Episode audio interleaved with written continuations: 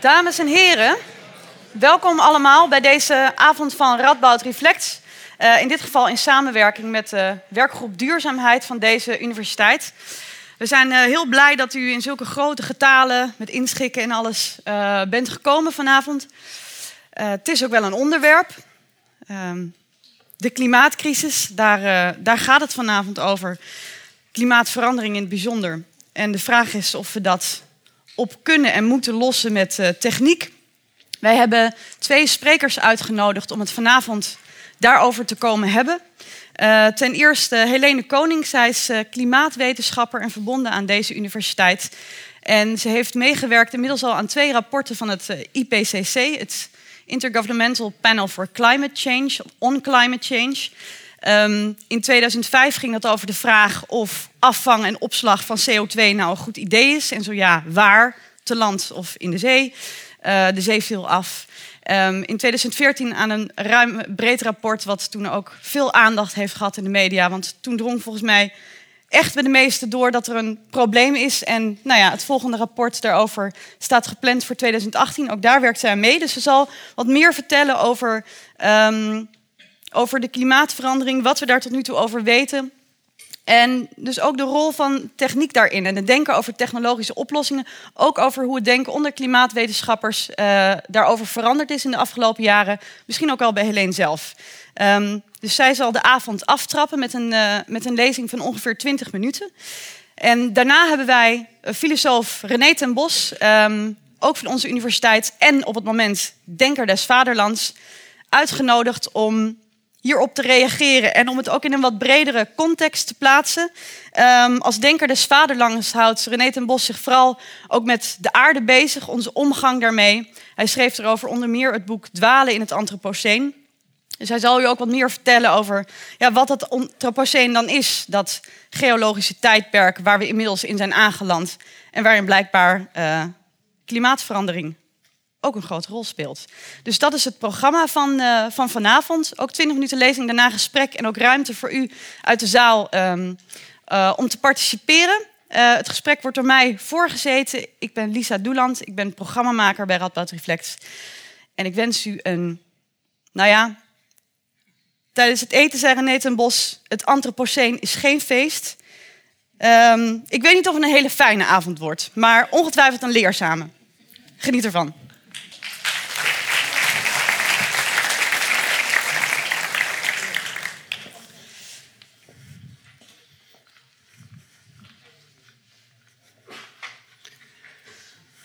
Goedenavond. Um, aan mij om u wat uh, klimaatamusement uh, te bieden. Misschien geen feest, maar uh, wel iets, iets om over na te denken wellicht. Um, even kijken of ik bij de... Zou ik mijn presentatie kunnen zien?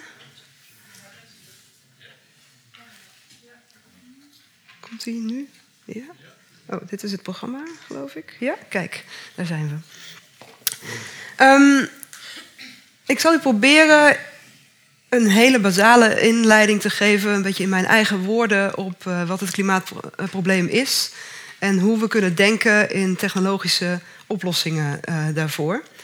Um, we hebben deze avond eigenlijk een beetje ingestoken als een soort uh, tegenstelling. Ik die dan van de techniek ben en, en René die daar helemaal niet van, van houdt. Um, dus ik zal proberen een beetje een verhaal, een pleidooi voor de techniek te houden. Maar ik wil er ook niet te ver in gaan. Um, want uh, ik zie ook wel hier en daar wat problemen natuurlijk. Ik ben wel natuurwetenschapper van achtergrond, maar uh, ook mijn uh, technologisch optimisme heeft zijn grenzen. Eerst, wat moet je begrijpen over klimaatverandering? Een heel simpel plaatje.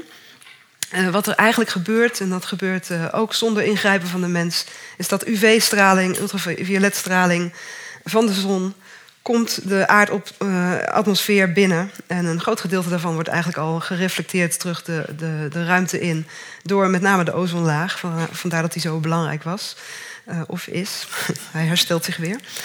Um, de, de, straling die wordt doorgelaten, botst op het aardoppervlak en verliest daar energie. En wordt uh, omgezet in een uh, lage energetische straling, infrarood, wat terug reflecteert en dat is waar de broeikasgassen eigenlijk hun werk doen. Broeikasgassen absorberen in het infrarood. Dus die absorberen geen UV, maar in het infrarood. Um, En, eh, en, en verwarmen daarmee door die absorptie de, de atmosfeer, met name de troposfeer, de onderste deel van, de, van de atmosfeer. Um, dat verklaart ook de aardtemperatuur die we al hebben. Als we dat broeikaseffect niet zouden hebben, dan zou het een stuk of 30 graden kouder zijn op aarde, ongeveer min 15 graden. En zouden we leven als zodanige niet, waarschijnlijk niet kennen, of niet in deze vorm in ieder geval. Um, als je dus meer broeikasgassen aan die atmosfeer toevoegt, de concentratie omhoog brengt, dan uh, is in ieder geval de theorie, dan uh, vergroot je daarmee de absorptie in het infrarood en daarmee ook de warmte die de aarde vasthoudt en daarmee de, uh, stijgt de temperatuur op aarde dus. En dat is het antropogene of het menselijke broeikaseffect, het versterkte broeikaseffect. Nou, dat, dit is een, ik benadruk dat altijd, maar wel voor de zekerheid. Er is geen onomstotelijk bewijs dat het uh, vergroten, of verhogen van de broeikasgasconcentraties in de atmosfeer dit ook echt doet. Er zijn ontzettend veel aanwijzingen. De wetenschappelijke eh, stand zegt eigenlijk van dat is um, nou ja, zeer, zeer waarschijnlijk. Uh, dat de mens het klimaat beïnvloedt. Maar er zijn nog wel stemmen die zeggen: maar wat als dit of wat als dat. Uh, zijn misschien ook andere verklaringen. Ik zeg het altijd maar bij, het is geen onomstotelijk bewijs. Dat weten we eigenlijk pas als die temperaturen echt navenant zijn gestegen. En als we echt kunnen zeggen, nou, dat als we een controle-experiment hadden kunnen doen met een aarde waar we niet die broeikasgassen aan toe hadden gevoegd, dan kunnen we dat wel aantonen. Dat is niet het geval. Goed, hoe werkt dat eigenlijk? Die causale keten is eigenlijk uh, zonneklaar. Klimaatverandering is een heel complex probleem, maar er zijn een paar dingen wel heel duidelijk. Ten eerste dat wij als mensen willen allemaal dingen. We willen um, uh, activiteiten ondernemen. En die activiteiten die hebben, uh, die hebben consequenties. Dat doen we eigenlijk om, om, om behoeften te vervullen. Om, om ons zelf te voeden, om beschutting te vinden, om, om bezit te hebben, status, geluk. Uh, dat zijn onze behoeftes. Nou, die behoeftes die vervullen we eigenlijk al door middel van technologie. Uh, en daarbij gebruiken we ongelooflijk veel fossiele brandstoffen uh, op aarde. En we veranderen het gebruik van land. En doen heel veel veeteelt, wat ook weer landgebruik tot gevolg heeft. Er zijn eigenlijk fossiele brandstoffen en landgebruik zijn twee grote processen. En dat leidt dan weer tot de uitstoot van broeikasgas uh, van broeikasgassen, broeikasgasemissies. Dat wordt meestal aangeduid in uh, tonnen CO2-equivalent. Wat een, uh, de meeste van die broeikasgassen zijn CO2. Maar er zijn ook een aantal broeikasgassen die zijn niet CO2. Als je het verwarmingspotentieel dan omrekent naar CO2, kom je op CO2-equivalenten uit. En de eenheid is meestal tonnen van dat soort equivalenten. Dus je ziet straks wat plaatjes en er staat op de i-as tonnen CO2-equivalenten. Weet je nu wat dat is. Die broeikasgas, uh, die broeikasgassen hopen zich op in de atmosfeer. Een gedeelte wordt opgenomen door, door de oceaan, een heel groot gedeelte zelfs. Een groot gedeelte wordt opgenomen in de, in de ecosfeer, in de biosfeer. Um, um, maar netto is er iedere keer, ieder jaar weer een toename van de broeikasgasconcentratie in de atmosfeer. Dat wordt meestal aangeduid met uh, parts per million of parts per billion, ppm of ppb. Uh, en de, de, de, gassen waar je het dan over hebt zijn CO2 natuurlijk, maar ook methaan, uh, CH4, uh, lachgas, N2O en, en, enkele andere gassen, waaronder hydrofluorokoolwaterstoffen, die eigenlijk de CFK's vervangen. daar wilden we vanaf vanwege die ozonlaag. Nou, die, dat hoopt zich op, die broeikasgassen. de concentratie stijgt in de atmosfeer. Er wordt meer warmte vastgehouden, de temperatuur uh, stijgt. En dat heeft dan weer een reeks andere gevolgen, waarvan hier een paar voorbeelden. In Nederland is zeespiegelstijging heel uh, relevant. Uh, de gletsjers zijn netto flink aan het afsmelten. de neerslagpatronen veranderen. Um, en, en, we zien een, een, lichte trend naar zwaardere orkanen, zoals ook recentelijk in het nieuws gezien. Dus dit is eigenlijk de causale keten. Je begint eigenlijk bij menselijke activiteiten, behoeften bevrediging. En via allerlei eh, technologie, via economische processen, politieke processen, instituties, kom je uiteindelijk uit bij die gevolgen uh, van, van klimaatverandering. Um, wat zijn nou de, uh, de, consequenties daarvan? Als je dit nou in de toekomst bekijkt, wat kunnen we dan verwachten? Nou, eerst, dat staat hier niet op het plaatje. Dit is een plaatje uit het laatste IPCC-rapport. Uh, sinds 1970 zijn de jaarlijkse broeikasgasemissies ongeveer verdubbeld wereldwijd. Dus in 1975 was het rond de 2025 gigatonnen CO2-equivalenten. Uh, een paar jaar geleden was dat rond de 50. Uh, dus dat, en ieder jaar wordt dat, die hoeveelheid in de atmosfeer gepompt. Dat de verwachting is met een grotere bevolking, met een rijkere bevolking die meer energie gebruikt, meer fossiele brandstoffen gebruikt, dat dat blijft stijgen. Volgens uh, ongeveer deze uh, scenario's, dat is het, het, het, het roze gebied, dit, dit loopt tot, uh, tot 2100. en dan kom je uit op een broeikasgasconcentratie in de atmosfeer rond de 1000 ppm en een temperatuurstijging. het is, er zitten hele grote onzekerheden omheen, maar nou, tussen de uh, rond de 4,5 graad. Uh, uh, misschien iets hoger, misschien iets lager. Um, wil je dat binnen enigszins veilige grenzen houden, en wat veilige grenzen zijn, is natuurlijk ook bijzonder onzeker, dan zul je andere patronen moeten volgen. Dit geeft twee groepen van scenario's aan waarin modelleurs dit hebben uitgerekend voor de toekomst. Wat nou als we massaal naar hernieuwbare energie gaan, als bepaalde beleidsscenario's worden geïmplementeerd, uh, dan, uh, kom je, uh, dan kun je naar drie graden of naar twee graden uitkomen. Maar je ziet eigenlijk al dat dat behoorlijk ambitieus is. We moeten eigenlijk bijna als wereld, niet als Nederland of zo, maar als wereld, dus ook de arme landen die nog echt hard stijgen in energiegebruik, moeten we al heel snel pieken en naar beneden gaan in de jaarlijkse emissies. En je ziet zelfs en dat is wel interessant, misschien zie je het hier, dat zo richting het einde van de eeuw de emissies zelfs negatief moeten zijn. Wat betekent negatieve emissies? Dat betekent dat we netto uh, broeikasgassen uit de atmosfeer verwijderen. Dus niet alleen maar wat we eraan toevoegen verminderen, maar echt netto dingen verwijderen. Dus dat betekent dat we het echt CO2 moeten gaan opnemen uit de atmosfeer en ergens gaan wegstoppen. Um, dit zijn scenario's waar. Uh, dit, betekent een behoorlijke trendbreuk ten opzichte van wat we, al, uh, wat we de afgelopen decennia hebben gezien. En daarom wordt het gezien als een enorme uitdaging. Nou, als je kijkt wat, wat IPCC ongeveer zegt, wat dat per sector betekent. Dit zijn natuurlijk mondiale plaatjes, zegt niet zoveel. Um, maar per sector bijvoorbeeld, als je kijkt naar de elektriciteitssector is dit uh, voor de uh, diverse jaren in de toekomst wat IPCC zegt van nou dat zou er gebeuren. En kijk ook vooral naar de enorme onzekerheidsmarges uh, aangegeven door die witte, witte balken. Um, dan zie je dat bijvoorbeeld de elektriciteitssector onder een business as usual scenario behoorlijk doorstijgt. Um, maar alle, alle sectoren laten eigenlijk een, een, een, stijging zien. Landgebruik is eigenlijk de enige die wat afneemt daarin. Uh, als je consistent zou willen zijn met dit 2 graden scenario, of daar in ieder geval een redelijke kans op wil houden, en een redelijke kans uh, definieert IPCC als ergens tussen de 50 en de, en de, en de 2 derde, dan kom je uh, op dit soort plaatjes uit. En dan zie je dat eigenlijk dat bijna alle sectoren vrijwel naar nul, nul gaan. dus mobiliteit moet in 2100 vrijwel zonder CO2-emissies zijn. De industrie, gebouwen. Uh, maar elektriciteit, daar zegt IPCC van nou, om dit scenario te halen, op een kostenefficiënte manier, volgens die modellen, zou je daar een flinke negatieve emissie moeten hebben. Dus het staat weer hier uh, ongeveer 10 gigaton. En als je onthoudt wat de huidige emissies waren, dat was ongeveer 50 gigaton. Dus 20% van alle emissies die we op dit moment uitstoten, zouden we uit biomassa onder de grond moeten gaan stoppen, zo ongeveer. Dus hieruit kun je wel concluderen dat het IPCC en de modellen die daarin worden gerund, dat die behoorlijk geloven in een technologische fix van het uh, klimaatprobleem. Sterker nog, de enige manier waarop het IPCC zegt van we kunnen dit halen, is door zeer grootschalige implementatie van technologie en ook van technologieën die we nu eigenlijk uh, nog niet op grote schaal geïmplementeerd zien.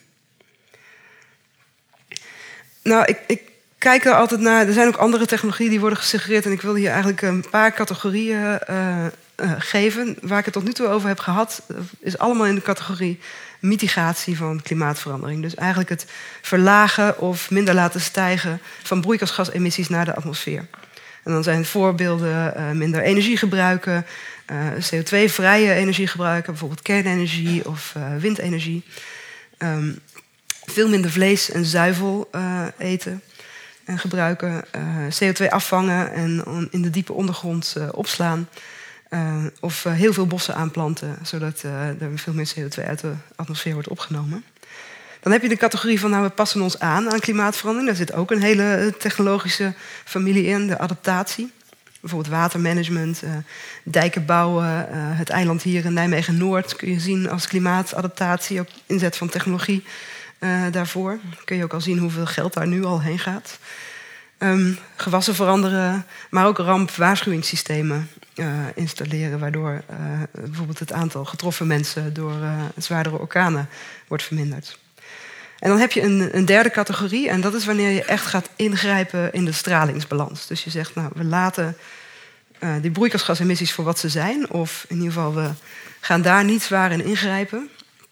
Uh, of we zeggen, we gaan daar wel zwaar in ingrijpen, maar er blijft toch nog een temperatuurstijging over die we eigenlijk niet willen. Dan kunnen we ook kijken van, nou, kunnen we op de een of andere manier de stralingsbalans van de aarde op toch uh, veranderen, zodat die temperatuur uh, minder stijgt of zelfs naar beneden gaat. Dus in feite ben je dan de aarde aan het koelen.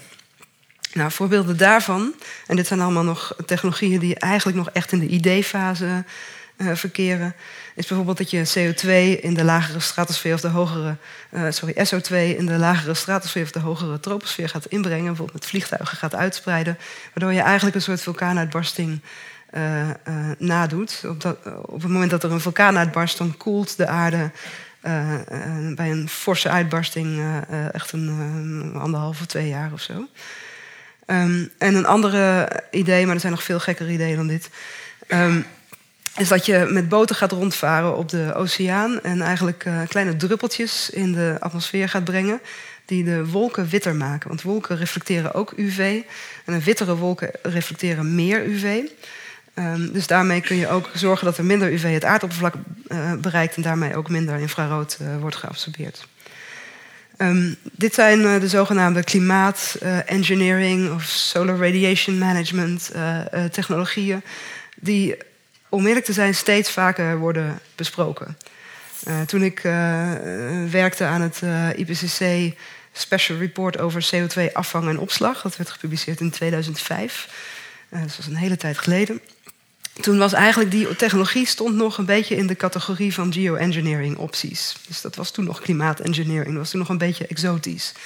Inmiddels zit het helemaal in de mitigatieopties, het compleet genormaliseerd. Iedereen heeft het erover als uh, gewone klimaattechnologie. En er is een hele andere categorie uh, uh, opties, wordt nu echt genoemd als, als klimaatengineering. Dus onze tolerantie voor bepaalde technologieën neemt eigenlijk steeds meer op naarmate de eerder genoemde technologieën falen in het oplossen van het probleem. Dus daar moeten we ons ook rekenschap van geven. Um, ik zal even twee voorbeelden geven van, uh, uh, van, van, technologieën waar je misschien iets meer over wil weten. Eén is, uh, is een mitigatietechnologie. Dus een technologie die netto CO2 uit de atmosfeer verwijdert. bio-energie en CO2 afvang en opslag. De meeste van die IPCC-modellen die ik liet zien hechten daar behoorlijk veel waarde aan. Ze kunnen eigenlijk alleen die lage temperatuurscenario's halen door grootschalige inzet van dit soort technologieën. Um, het gaat erom dat je met, uh, met het afvangen en opslaan van CO2 uit fossiele brandstoffenprocessen, bijvoorbeeld een staalfabriek of een cementfabriek of een, of een kolencentrale, dan kun je de CO2 van afvangen, gewoon met een kleine chemische fabriek. Uh, je comprimeert het, je stopt het in de pijpleiding en je doet het in een oud gasveld of een oud olieveld. Dan zit het heel diep onder de grond. Uh, op een plek waarvan je weet dat het al eerder uh, um, vloeistoffen goed heeft, heeft opgeborgen.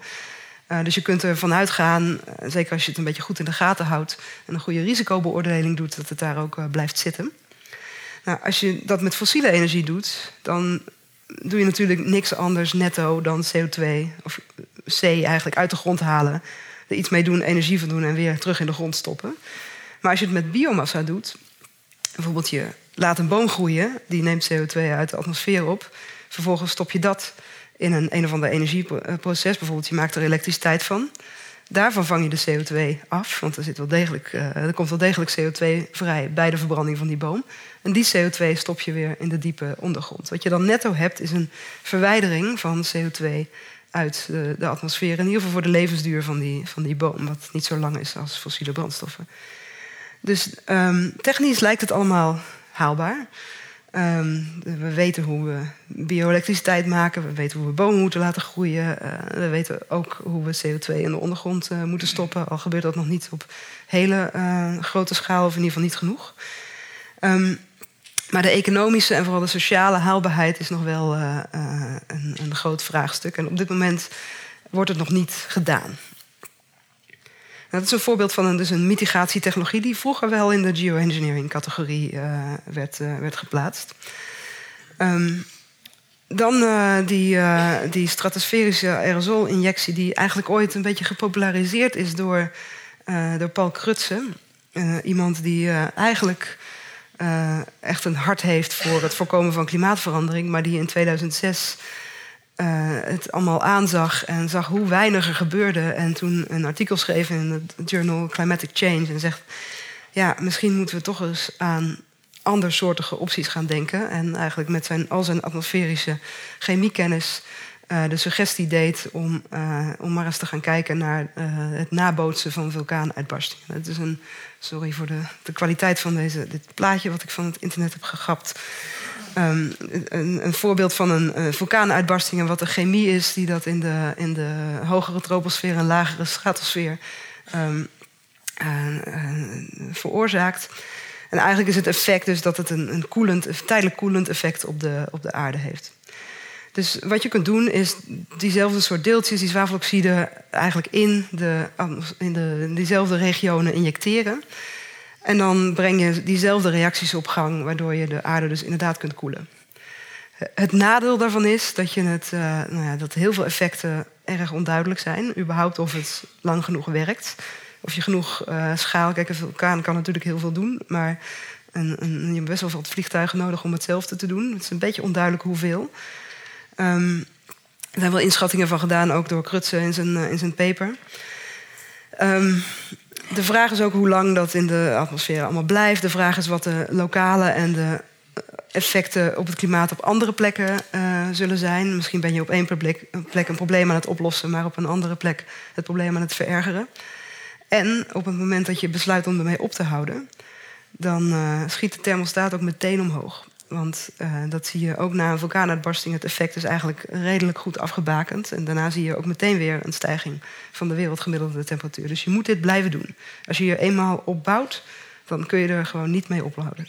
En dat is iets anders dan bij die technologieën waar je bijvoorbeeld CO2 onder de grond stopt. Als je daar even mee ophoudt, ja, dan heb je uh, tijdelijk minder uh, mitigatie van het klimaatprobleem. Maar je hebt in ieder geval niet meteen een onmiddellijk temperatuureffect.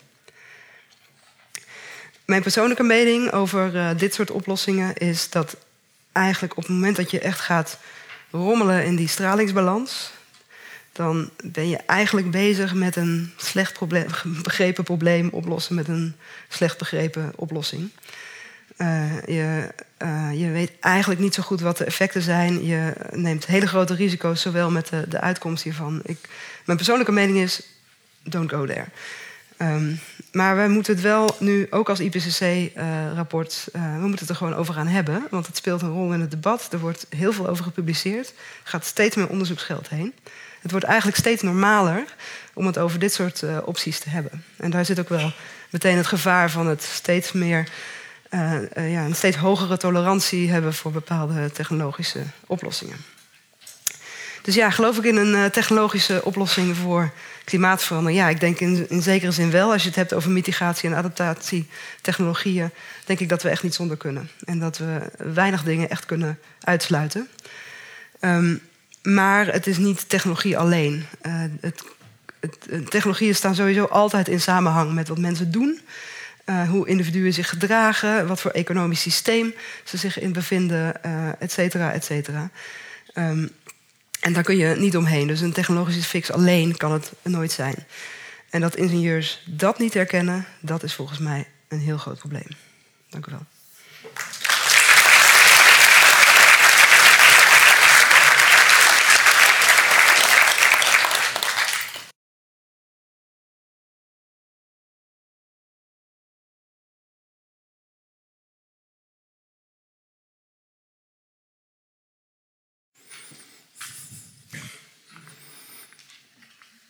Goedenavond. Nou, daar heb ik verder weinig aan toe te voegen. Dus uh, ja, ik heb uh, dat boek over het antropoceen geschreven. Antropoceen is overigens een term die door uh, de klimatoloog uh, Paul Crutzen bedacht is. Hoewel daar enige discussie over is, of hij de daadwerkelijke bedenker is. Zijn claims in Tsjechoslowakije, toen nog dat mensen Tsjechoslowaakse wetenschappers ook al met zo'n soort term kwamen. Niettemin is Crutzen er beroemd mee geworden. Dus wat mij betreft krijgt hij daarvoor alle eer. Um, ik wil wat gaan uitleggen over dat antropoceen en waarom het zo moeilijk is. En het, aardige is dat veel van wat wij, uh, van wat jullie net allemaal gehoord hebben, is, ja, dat sluit aan hè, je, je, met, met, met uh, wat ik dan denk over dat antropoceen. Um, antropoceen, voor degenen die dat niet weten, is tijdvak Hè, waarvan, uh, ja, nou ja, het is een, een soort geologisch tijdvak, zeggen sommige mensen. Waarin voor het eerst in de geschiedenis van de planeet een soort is, de Homo sapiens sapiens, die invloed uitoefent op wat er op die planeet gebeurt. En die invloed die wordt over het algemeen gezien als behoorlijk nefast. Dus het is niet allemaal uh, koek en ei. Het is niet deugdelijk. En we hebben daar net een aantal zaken uh, over gehoord van uh, Helene. Meestal wordt dat antropoceen ehm, gezien dus als een soort cascade van catastrofes. En die antropogeen zijn, dus die ook door de mens veroorzaakt zouden worden. Dat gaat overigens niet alleen maar met betrekking tot klimaat, hoewel ik wel denk dat klimaat met alles uh, samenhangt. Maar je zou ook kunnen denken aan uh, extinctie van diersoorten, of aan uh, de obesitas-explosie, of aan het creëren van platheid, zoals flatness, zoals sommige mensen beweerd hebben, overal in, in de wereld. Dus het heeft een hele breed perspectief, dat antropoceen. Van dingen die op dit moment niet goed gaan. Voor mijzelf, ik ben vooral in dat, die klimaatopwarming geïnteresseerd en ook in, in uh, extinctie, waar ik veel over geschreven heb. Um, dat antropoceen, dat is dan ook altijd een soort van uh, begrip waar iets moeilijks aan verbonden zit. Het is een begrip dat zou suggereren dat, dat, dat, dat, dat de mens de schuldige is. Maar op het moment dat je zegt dat de mens, de anthropos, hè, anthropos, zijn, kainos, op het moment dat je zegt dat de mens de schuldige is, wie dan trek je schijnbaar die discussie wel in het ethische, maar wie geeft je dan daadwerkelijk de schuld? Er is een enorm debat gaande dat je de mens als zodanig, of de mensheid als zodanig, moeilijk de schuld kunt geven. Want op het moment dat je zo'n algemene term als de mensheid, een bleude algemeenheid, zei Karl Marx daarover, de schuld gaat geven, geef je eigenlijk niemand de schuld. Dus als Helene het over handelingsperspectieven heeft, moet je het waarschijnlijk niet gaan hebben over de mensheid als zodanig. Want van de mensheid als zodanig hoef je niet al te veel handelingsperspectieven te verwachten. Dat is ook een complexiteit die dus hoort bij dat uh, tijdperk van het Anthropoceen. Dus vandaar dat je ook allerlei mensen hebt die zeggen: ja, het Anthropoceen is geen goed woord. Het is een verkeerd soort begrip. Het is een begrip dat leidt tot allerlei misverstanden. Een Marxist zal bijvoorbeeld zeggen dat het kapitaal de schuld is. Want kapitalisme draagt bij. Dus iemand als Jason Moore, die zegt dan van... Uh, we moeten niet spreken van het antropoceen, maar we moeten spreken van het kapitaaloceen. Of iemand anders die, die zegt, nee, feministen bijvoorbeeld kom je ook tegen. En die zeggen dan, het is de schuld van mannen in plaats van vrouwen. Dus dat, en die pleiten dan voor, maak er een androceen van in plaats van een antropoceen. Dus dit laat allemaal zien, en er zijn nog veel meer namen bedacht uh, ervoor. Ik kan dit moeiteloos aanvullen met een hele hoop, uh, hoop op, op terminologie. Maar in zekere zin is zo'n woord als antropoceen dus, dus ook een soort van verlegenheidsconstruct.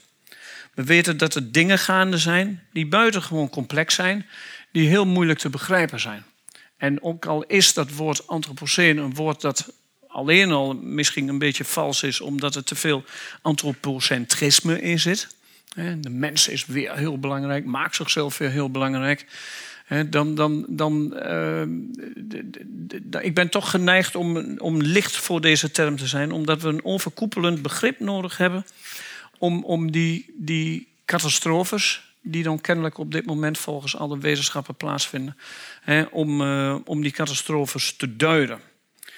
Overigens, ik hecht eraan om te zeggen dat lang niet iedereen dit met me eens is. Geologen bijvoorbeeld hebben erg veel moeite om dit woord te, eh, te accepteren. Er is een druk op geologen om die term te accepteren. En, uh, en, en internationale stratigrafische comité is nog steeds volgens mij aan het discussiëren over de vraag of ze dat moeten doen. En een geoloog zegt, ja, dit is puur alarmisme als we deze term accepteren. Om, om zeg maar, uh, hè, dan, dat is alarmisme, dat is niet echt gebaseerd op wetenschap. Want zoveel fossiele evidentie is er nog niet. Hè, dat die mensen in die lagen hè, van de aarde zitten. Anderen zeggen weer dat die geologie een vals geweten heeft. er is geen studie die zoveel gesponsord is door het internationale bedrijfsleven als geologie. En dat is ook eh, een, een, een discussie die je dus uh, voortdurend tegenkomt. Voor mij is dat antropoceen vooral ook een tijdperk waarin we in een soort veranderende ecologie zitten. En ecologie is een soort toverwoord. Uh, hier. Alleen het is een toverwoord waarin alles wat complex is met, met elkaar samenhangt. Ik zal straks wat voorbeelden van die complexiteit geven. En die maken mij dus niet optimistisch over handelingsperspectieven. Um, de, de, de, ecologie, dat betekent in feite dat alles met alles verbonden is. Franse filosoof Michel Serres, die ik eigenlijk zie als de grote antropoceen-filosoof op dit moment, wiskundige, wetenschapper, homo universalis, ik weet het allemaal niet. Hij is 87 nou. Hij heeft eh, een, prachtig beeld. Hij verwijst naar een schilderij van Goya, waarop twee mensen, uh, twee mannen staan daar met elkaar en die slaan elkaar met knuppels hassers in. En het aardige is dat hij dan voorstelt dat die ene mens de natuur is en die andere mens de cultuur. dus natuur en cultuur kun je niet meer uit elkaar halen. Goya uh, heeft het beeld, en ik geef maar een beeld omdat dat in ieder geval iets duidelijk lijkt te maken. Die tekent die twee mannen die met elkaar zo vechten, die zet hij neer in drijfzand. En hoe harder ze elkaar met die knuppels op de kop slaan, hoe dieper ze wegzinken in dat drijfzand. Dat is in feite wat er gebeurt. Wij zijn opgegroeid in een soort cultuur waarbij wij uh, voortdurend denken dat de natuur iets aparts is. Dat de natuur buiten het menselijke staat. Dat je dier en mens van elkaar kunt onderscheiden. Dat je natuur en cultuur van elkaar kunt onderscheiden. En het hele punt van uh, Ser in dit verband is dat je natuur en cultuur helemaal niet meer van elkaar kunt onderscheiden. Dat die twee intrinsiek samenhangen. En dat leidt er dus ook toe dat dat een soort nieuwe ecologie, een nieuw soort systemische samenhang met elkaar brengt, hè, die, die de zaken zo hopeloos complex maakt. De natuur is niet langer iets waar je zomaar dingetjes in doet. De natuur is ook niet passief. De natuur komt handelingsvermogen toe. En de boodschap is heel simpel. Als wij de natuur met knuppels slaan, dan slaat die natuur op een gegeven moment terug. En hoe slaat hij terug? Die slaat dan bijvoorbeeld terug door middel van zoonotische aandoeningen, ziektes die van dier op mens overgaan. De Q-koorts schrijft David Quammen in zijn boek over het thema, die ons land eh, een aantal jaren geleden trof, die had nog veel, veel catastrofaler kunnen zijn. En, en, en, en, en, uh, maar ook, ook in de vorm van orkanen. Een lichte tendens horen wij net van zwaardere, sterkere orkanen. Dat is ook iets wat, wat uh, uh, ook een vorm van terugslaan is. En als wij dus blijven slaan, zakken we steeds verder weg in het drijfzand. Dat is in feite de boodschap. Serres oplossing is dan dat we naar analogie van een sociale contract uh, ook, laten we zeggen, een soort natuurlijk contract moeten maken. Uh, waarbij dan uh, de, de, de bedoeling is dat mensen iets terughoudender zijn. Een sociaal contract is gebaseerd op de gedachte dat wij, als wij conflicten hebben met elkaar, niet zomaar elkaar de hassers inslaan. Dat is heel eenvoudig. dus als ik met u een conflict heb, dan, dan, dan raadplegen wij over het algemeen de politie of een hogere macht dan ons. En die bemiddelt dat als het ware voor ons. Zoiets heet beschaving. Ten opzichte van de natuur hebben wij dat niet. Ten opzichte van de natuur heeft de mens over het algemeen bijzonder weinig terughoudendheid betracht. Die terughoudendheid hebben we wel met betrekking tot sociale, maar hebben we niet al dus zeg, eh, met betrekking tot de natuur. En dat is lastig. Dat is vervelend. En uh, daar moeten we dus wat aan doen. Nou, dan komt het de grote vraag: terughoudendheid. He, is dat iets wat een mens kan opbrengen? En wat helpt het als wij bijvoorbeeld terughoudend zijn? Ik, ik, ik, kom wel eens op, als ik over dit thema mag spreken, kom ik wel eens op mensen en die gaan dan vragen: ja, maar ik vlieg niet meer. Of iemand anders die zegt: ja, ik eet niet meer. Of uh, ik, ik eet geen vlees meer. Of, of uh, iedereen doet dan wat van die dingen. Alleen die ecologische situatie die is zo waanzinnig complex dat het volstrekt onduidelijk is wat jouw individuele handelswijze doet, doet in het grote geheel der dingen. Wat ook vaak heel erg frustrerend is. Dus moet je dan toch weer naar die mensheid als geheel. En hoe ga je dat dan doen? Dat wordt dan een van de grote vragen. Klimaatopwarming is er gewoon. En ik heb in, in, uh, ik heb in mijn boek heb ik wat sceptisch uitgesproken over die climate engineering. Ik ben natuurlijk niet tegen allerlei mitigatie- of, of adaptatietechnieken en dergelijke. Ik ben ook bewust van de verschuiving die daarin is. Maar die climate engineering, nou ja, we hoorden Helene dat net zeggen en ik ben dat helemaal met haar eens. Wij weten over het algemeen, omdat die ecologische systemen waarin we zitten hartstikke intransparant zijn, niet wat de gevolgen ervan zijn. We horen net Helene een aantal voorbeelden noemen. Bijvoorbeeld hè, dat, dat aanbrengen van aerosolen in de dampkring. Daarvan weten wij niet precies wat de gevolgen zullen zijn. op dezelfde manier, eh, er zijn voorstellen geweest om bijvoorbeeld de, de, de uh, het smelten van de Noordelijke IJszee tegen te gaan door, uh, door um, uh, de Beringzee. Dat is dat stukje zee tussen Alaska en Siberië, daar te bedijken. En daar gewoon grote dam, een soort delta-project, zodat het warme water uit de, uit, uit de grote oceaan niet langer die Noordelijke IJszee binnenstroomt. Nou, wat is nou kenmerkend voor ecologie, dat is op het moment dat je dat soort dingen doet, weet je nooit wat de consequenties daarvan zullen zijn. En de kans hè, is dan heel erg groot, hè, dat is ook de discussie die daarover gevoerd wordt, dat de remedie erger is dan de, dan, dan de kwaal. En de mens heeft een lange geschiedenis van ingrijpen in de natuur, waarbij de remedie over het algemeen ook erger uh, leek dan de kwaal.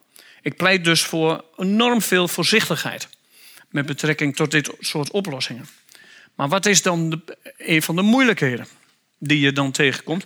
Dat is dat de druk op regeringen, op overheden, all over the place, om met die oplossingen te eh, komen, en ook dit ben ik helemaal met Helene eens, dat die druk op, op die regeringen alleen maar zal toenemen. Van Thomas Hobbes weten wij dat, dat een overheid of een staat zichzelf alleen maar kan legitimeren hè, op het moment dat ze in staat is om haar mensen te beschermen. En als die overheid niet langer in staat is om mensen bijvoorbeeld te beschermen, eh, te beschermen tegen klimaatconsequenties, hè, tegen de gevolgen van de klimaatopwarming, dan zul je vanzelf steeds meer politieke druk zien om met oplossingen te komen die misschien geen oplossingen zijn. om met oplossingen te komen die uh, zeer riskant zijn. en om met, uh, en, en, of, of met pseudo-oplossingen te komen. Waarbij we stelselmatig niet precies weten wat er aan de hand is. Die druk op politici en dergelijke neemt toe. Daar zit nog een ander soort vraagstuk achter, dat ik buitengewoon uh, interessant vind, maar tegelijkertijd ook natuurlijk heel problematisch. Dat is, hè, we hebben het, als we het over klimaatopwarming hebben, of over ecologie, of over extinctie, heb je het over complexiteit. En in tijden van complexiteit zijn hele simpele causale ketens nauwelijks nog aan te geven. Wij denken nog heel sterk, we hebben een probleem, we zoeken de oorzaak, nemen de oorzaak weg, het probleem is opgelost. Zo werkt dat niet in complex sciences. Als we het alleen al even niet over klimaat hebben, maar over weer, hè, dan is het ook gewoon heel helder dat, dat, dat, dat weersvoorspellingen nog steeds heel erg moeilijk zijn. In Amerika is vorige week een hele discussie gevoerd over of weerkundigen niet geblameerd konden worden voor het feit dat ze de gevolgen van Irma in Florida niet goed hadden voorspeld. Dat is overigens naar analogie hè, van iets wat al eerder in, in, in, uh, in Italië gebeurd is met betrekking tot, tot uh, uh, seismologen en geologen die de aardbevingen van 2009 in L'Aquila niet goed hebben voorspeld. En daar hebben mensen, wetenschappers ook echt voor vastgezeten. Want de samenleving die eist, of de politiek eist precieze voorspellingen. Maar in complexe tijden zijn die precieze voorspellingen nauwelijks vergeven. Dat is lastig. Gaat alleen al bij weersvoorspellingen. Ik bedoel, als er ergens een hagelbui komt hier in dit land, dan hebben verzekeringsmaatschappijen enorm veel schade. De zonnepaneelindustrie wil graag voorspeld zien hoeveel zon er zal komen de komende jaren. iedereen heeft een belang bij precieze voorspellingen. Nou, heel veel wetenschap denkt niet zozeer in precieze voorspellingen, maar alleen maar in waarschijnlijkheden, in scenario's en dergelijke. En daar kan het grote publiek, of daar kan de politiek, en dergelijke, die, die, die kunnen daar heel veel moeite mee hebben. Want die willen precieze resultaten. Geldt voor heel veel uh, wetenschappers. Ik ben vorige week weer eens betrokken geweest bij uh, een heel andere tak van sport. Maar dan zie je precies hetzelfde ontstaan. Het Nederlands Forensisch Instituut. Die mensen worden ook altijd gevraagd om precieze gegevens aan te reiken. Waar mensen van het OM, de politie, de recherche en zo iets mee kunnen. Maar heel veel uh, forensische evidentie is volstrekt ambivalent, onduidelijk, niet helemaal helder. Dus de maatschappij die schreeuwt om duidelijke oplossingen. Die de wetenschap als het ware, of nou, als het ware, maar die de wetenschap eigenlijk niet altijd kan bieden. En de verleiding voor wetenschappers om dan toch een soort van helderheid, of een technofix, of een keep it straight and simple oplossing te bedenken, is dan altijd heel erg groot. Ik pleit ervoor dat wetenschappers daar niet voor moeten vallen. Om allerlei uh, redenen omdat ik denk dat het verstandig is als wij complexiteit van issues ook gewoon weten te, uh, te communiceren. Dat leidt mij tot een paar laatste opmerkingen. Want mensen hebben dan altijd zoiets van: potverdorie, is dat nou niet een heel somber verhaal dat je aan het vertellen bent? Het antropoceen is geen feest. Is overigens niet mijn uitspraak, maar een uitspraak van Atte Jongstra, bekende schrijver die mijn boek destijds recenseerde voor het eh, NRC. Het antropoceen is geen feest. En dat, dat, dat leidt ook tot geweldige discussies over, over, um, um, over, over dat, dat, waarom he, dat antropoceen he, zo gevaarlijk lijkt te zijn voor ons. Wat moeten wij doen? He? Dat wil iedereen, terwijl wij op dezelfde manier als het ware niet precies weten wat we moeten doen. Dus hele discussies gaan tegenwoordig dus over de vraag of je zoiets als gemoedstoestanden van mensen in dit soort complexe tijden, of je daar rekening mee moet houden. Wat, is de, hè, wat, wat, denken we erbij? Hè, ik, ik, ik kom tegenwoordig al op conferenties over het antropoceen en psychiatrie. Hè, we kunnen er allemaal ook waanzinnig depressief van worden. Of er is eigenlijk niet zo'n optimistisch verhaal te bedenken over onze tijd. Of we zijn misschien de weg wel kwijt. Als dit een tijd van rampen is, is het altijd leuk. Filosofen doen dat dan ook altijd. Die wijzen dan op zo'n etymologie van zo'n woordje als disaster. Wat letterlijk betekent de leidende ster is weg. Niemand weet precies waar het dus naartoe moet. Dus wat moet je zijn? Moet je nou optimistisch zijn? Of moet je nou pessimistisch zijn? En daar heb ik eigenlijk niet zo goed een antwoord op. Ik pleit al heel lang voor een soort herwaardering van pessimisme. Dat wel. Uh, misschien omdat de pessimisten wat dichter bij de werkelijkheid zitten. Bovendien denk ik dat pessimisten uh, lang niet zulke nare mensen zijn als optimisten. En de reden daarvoor is heel simpel. Hè. Als een optimist die denkt van... hé, hey, over vijf jaar zitten wij daar en dan gaan we daar doen. En als iemand daar twijfel over opwerpt... dan ben je in de ogen van die optimist al meteen een spelbederver. Die optimist die, die, die, die, maakt het huidige moment eigenlijk ondergeschikt aan wat een toekomstig moment zou zijn. En in tijden van ecologie zijn voorspellingen vaak ook heel moeilijk. Het is vaak koffiedik kijken. Zoals de filosoof Timothy Morton ook voortdurend uitlegt. Een van de meest productieve schrijvers over dat hele antropoceen. Dus ik weet het niet zo goed. Ik denk wel over het algemeen dat ik veel optimistischer ben over pessimisme dan over optimisme. en dat is iets wat we misschien hier uh, ook even moeten vasthouden. Kijk, het, het hele, de, de, hele gedachte dat er niet. Hè, dat, dus, dus waar ik me probeer tegen te verzetten is niet dat we allemaal depressief moeten worden. Ik vind oplossingen zoals de, die wel eens aangereikt worden in radicale ecologische kringen, oplossingen in de sfeer van uh, de, de, de Voluntary Human Extinction Movement en zo, allemaal aan de Drionpoeders en dergelijke, vind ik politiek niet zo haalbaar.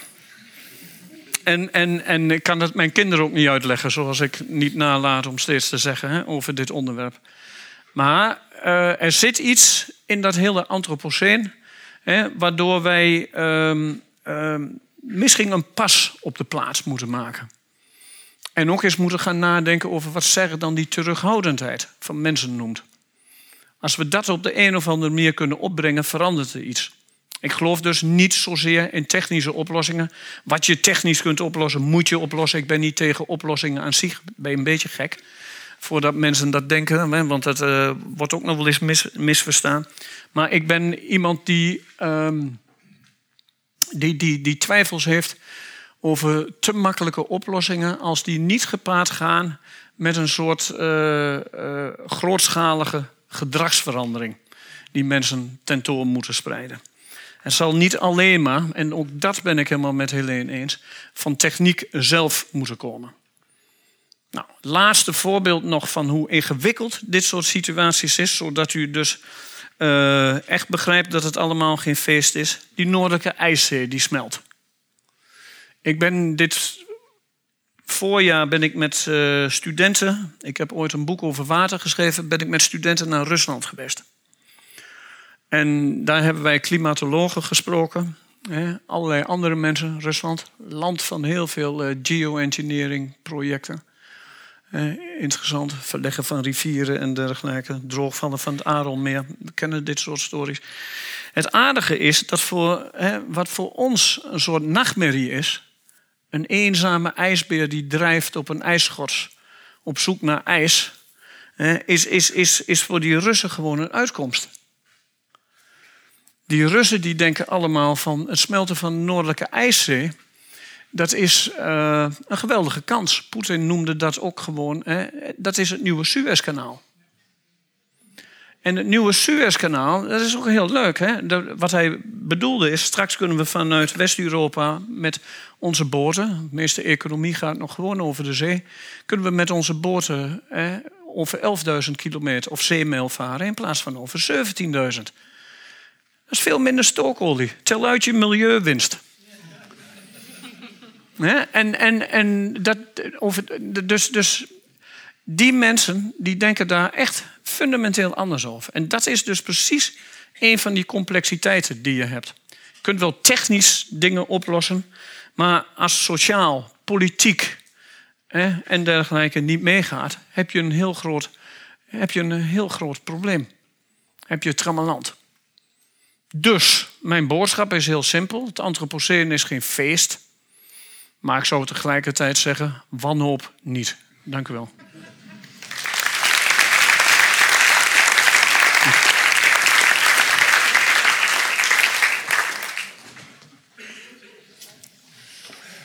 Ja.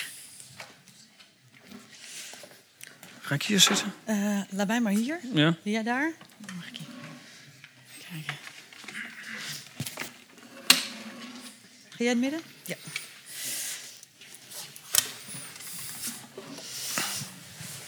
Nou ja, een hoopvol verhaal kun je het toch niet noemen. Uh, Maar we gaan eens even kijken wat we hier allemaal nog uit kunnen persen. Deze Ehm, harmonieuze overeenstemming. Nou ja, ik ben wel benieuwd ehm, eh, wat jij Helene vindt van wat René eh, te berde bracht over een bepaalde spanning waar een wetenschapper misschien onder last van heeft. Dat er eh, de vraag is waarschijnlijk ook bij zo'n IPCC-rapport om, om helderheid te bieden, om te zeggen waar het op staat. Terwijl je als wetenschapper eh, die helderheid misschien eigenlijk helemaal niet kan bieden. Ik vond het wel mooi dat je ook begon met zeggen... ja, ik, ik vertel nu hoe wij denken dat klimaatverandering werkt... met die broeikasgassen, maar eigenlijk weten we dat nog steeds niet eens zeker. Dus helderheid, homaar. Dus hoe, eh, hoe ga jij daarmee om? Nou, het mooie aan IPCC is dat het daar procedures voor heeft. Want het IPCC is namelijk een organisatie die... eh, het is intergovernmental, dus het staat bloot aan allerlei politieke drukken. Op het moment dat wij als IPCC eh, iets zeggen wat eh, Saudi-Arabië niet leuk vindt... dan, dan, dan zou het best kunnen dat het IPCC gewoon wordt opgedoekt. Ja, Eh, dus we moeten ons echt houden aan, aan die procedures. En die zijn gewoon heel helder. En we moeten kijken naar peer-reviewed literature. Als die iets niet zegt, dan eh, mogen wij het niet opschrijven. Dus, eh, en we mogen eigenlijk geen helderheid bieden in de zin van dat we beleidsoplossingen mogen geven. We mogen niet beleidsvoorschrijvend zijn als IPCC. We mogen alleen kijken naar de literatuur en zeggen... nou, dit is ongeveer wat de balans van de literatuur zegt. En als de literatuur het onderling oneens is... moeten we allebei de standpunten netjes weergeven... Ja. en het aan de beleidsmakers overlaten om de wijze beslissingen eh, te nemen. Eh, dus dat is eh, officieel het mandaat en de opdracht van het IPCC. Dus in die zin, eh, officieel heb je natuurlijk helemaal geen conflict op die manier. Ja. Maar je kunt wel selecteren in wat je wel en niet behandelt. Je krijgt een soort opdracht mee van nou, dit moet er ongeveer in staan, een paar bullet points. En dan moet je daarmee aan de slag. Nou, wat we bijvoorbeeld, hoeveel ruimte we in gaan ruimen voor klimaatengineering, dat is wel een vraag. Als we daar heel veel ruimte voor inruimen, dat betekent dat we er ook weer belangrijkheid aan geven. Dat we het in feite een beetje aan het legitimeren zijn. En dat in een eh, volgende eh, onderzoeksprogramma van de Amerikaanse overheid of de, of de Russische overheid. Zij denken, nou, het IPCC zegt dat er zoveel onzekerheden zijn. Laten we daar maar heel veel eh, geld in gaan stoppen om die onzekerheden zo klein mogelijk te maken, zodat we die technologie wel kunnen gaan gebruiken. ja, Dus we mogen niet zeggen, die technologie, dat, eh, dat lijkt ons niet zo'n goed idee. Dat mag ik wel als, als, eh, als, als persoon zeggen. ja. Maar als IPCC-auteur mag ik dat absoluut niet zeggen. Nee. Dus ja, zo ga je er een beetje mee om. Ja, schipperen dus. Nou ja, Een, ja, complex ja, probleem. In feite wel, ja. ja want, want inderdaad, je, het IPCC gaat uit dat je iets kunt opschrijven... en dan is het duidelijk. En dan weten beleidsmakers wat ze ongeveer moeten doen. Eh, of wat hun handelingsperspectieven zijn. Maar in complexe problemen, zoals René al aangaf... is dat eh, niet altijd zo helder. Nee, want als je nou zo, ja. Ik ben wel benieuwd dan, René. Hè? Dus eh, is, is zo'n zo'n IPCC dan. Heb jij daar vertrouwen in, in het antropoceen? In deze manier van omgaan Nee, niet met zo. de uitdagingen. Nee, niet echt. Waarom niet? Nou ja, ik, ik, ik, ik, ik denk dat, ehm, dat dat heeft te maken met, met het feit of je in. in kijk, eh, ehm, waarom heb ik daar geen vertrouwen in? Ik, dat komt omdat ik denk dat wetenschappers in onze tijd niet alleen nog maar feiten aanleveren, maar vaak ook interpretaties van feiten en erachter moeten gaan zitten. Dat is een punt dat eh, iemand als Bruno Latour voortdurend maakt. Ehm, kijk, we kunnen wel gewoon feiten registreren. We kunnen bijvoorbeeld best constateren dat het nu 15 graden is buiten. En daar hebben we helemaal geen discussies over. Hè, du- dus je, je wordt als wetenschapper daardoor denk ik ook gedwongen om een beetje stil te staan bij eigenlijk vrij triviale observaties. Waar, de, waar de samenleving ook heel erg behoefte aan heeft, is dat er onder die triviale obs- observaties, dat daar verhalen eh, komen. En, en, en, en, en dat je dus uitlegt dat er iets aan de hand is, of dat je iets moet doen, of dat, er, eh, dat, dat, dat, dat de samenleving misschien gevaar loopt als we niet een andere wending inslaan, of weet ik veel wat. Dus, dus, dus dit, een onderscheid dat dan vaak gemaakt wordt, is dat tussen matters of fact en matters of concern. En matters of fact, ik heb met matter of fact is gewoon registreren hoe warm het is. Ik heb met Donald Trump geen discussie over hoe warm het hier is. Of in Washington. Maar ik heb wel met, met, met eh, Donald Trump een discussie over wat een hele reeks van registraties van dit soort temperaturen impliceert. En ehm, daar, daar zul je als wetenschapper dus een zeg in moeten doen. En als je dat dus doet, ben je dus ook meteen, eh, ik heb dat wel eens zo omschreven, een partisaan in een discussie. En, en is die, eh, ja, die, die min of meer opgelegde of zelfverklaarde neutraliteit van de wetenschapper, die, die zich verschuilt ook achter de pure feitenregistratie, Ja. die is er niet meer. Ja, jij knikt, eh Helene. Ja. Je- je- ja. Nou ja, ik herken dat zeker. Ja, het, is, eh, het format van de IPCC-rapporten schrijft eigenlijk voor dat je dat soort uitspraken niet kan doen. En het is inderdaad echt, als we dat wel doen. Die verleiding is er natuurlijk, want er zitten ook allemaal mensen die, eh, eh, die over het algemeen iets aan het klimaatprobleem willen doen. Ja. Eh, dan betekent dat waarschijnlijk dat, eh, dat bepaalde regeringen in de IPCC eh, goedkeuringssessies uiteindelijk, want ieder rapport moet goedgekeurd worden door Ja. alle landen ter wereld, er moet consensus over zijn, dat die gaan zeggen, nou dan maar geen rapport. Ja. Einde verhaal, dan hebben we anderhalf jaar voor niks gewerkt. Ja. Dus we, we moeten heel hard nadenken over hoe we, ook hoe we boodschappen framen. Een voorbeeld was dat, wat je ook al gaf, over dat CO2-opslag in de oceaanvloer. Als ik dat, zal ik Ja. dat even? Dat, eh, een rapport uit 2005. Er werd eigenlijk twee, op twee manieren naar, oceaan op, of naar CO2-opslag gekeken. Je kunt het diep in de ondergrond doen, de oude gasvelden bijvoorbeeld. Of je kunt het in de oceaan injecteren, dus op de bodem van de oceaan of in de waterkolom. En eh, er waren twee hoofdstukken. Eén ging over die geologische opslag en één ging over die oceaanopslag. En eigenlijk, ja, dat oceaanopslag-hoofdstuk dat was heel controversieel. Want ja, dat heeft natuurlijk enorme impact op, eh, op de ecologie in de oceaan. Eh, die CO2 komt eigenlijk vrij snel weer naar boven na een paar honderd jaar, misschien na duizend jaar. Ehm, eh, de kosten waren relatief hoog. En we hebben dat eigenlijk in dat rapport niet eens echt heel erg bewust naast elkaar gezet. Maar de consequentie was dat na dat rapport de drie regeringen die nog investeerden in CO2-opslag in die oceaan, eh, dat die eigenlijk allemaal eh, zijn de VS, Japan en Noorwegen waren dat. Die hebben al hun onderzoeksprogramma's gestopt. Ja. Omdat het eigenlijk zo slecht eh, eruit zag. Terwijl we niks zeiden van oceaanopslag is fout of zo. Dat zeiden we allemaal niet. Dat mocht natuurlijk niet. Maar wel, we gaven de gevolgen aan. En het stond naast een andere optie die goedkoper was, minder risicovol, veel groter potentieel en, en, en CO2 veel langer uit de atmosfeer Ja. haalde. Maar ja, dat lijkt dan nu Dus- niet echt een optie meer. Omdat je, al- als ik goed naar jou geluisterd heb, dan komt in het volgende rapport wel degelijk geoengineering gaat een rol spelen. Maar jij gaf zelf al aan, ja, je hebt er eigenlijk geen vertrouwen in. in. Dus, dus in dit geval lijkt er niet echt de mogelijkheid te zijn om daar nog weer een alternatief naast te zetten, waardoor deze kwaal, of die, die, die de kwaal alleen maar erger maakt, een oplossing die de kwaal erger maakt. Nou ja, technologisch perspectief, eh, of alternatief ernaast zetten, denk ik dat heel moeilijk wordt. Maar we kunnen wel veel beter dan tot nu toe IPCC-rapporten hebben gedaan. Kijken naar wat je kunt met gedragsverandering, wat je kunt met andere economische systemen. En misschien ook hoe innovatie sneller zou kunnen gaan.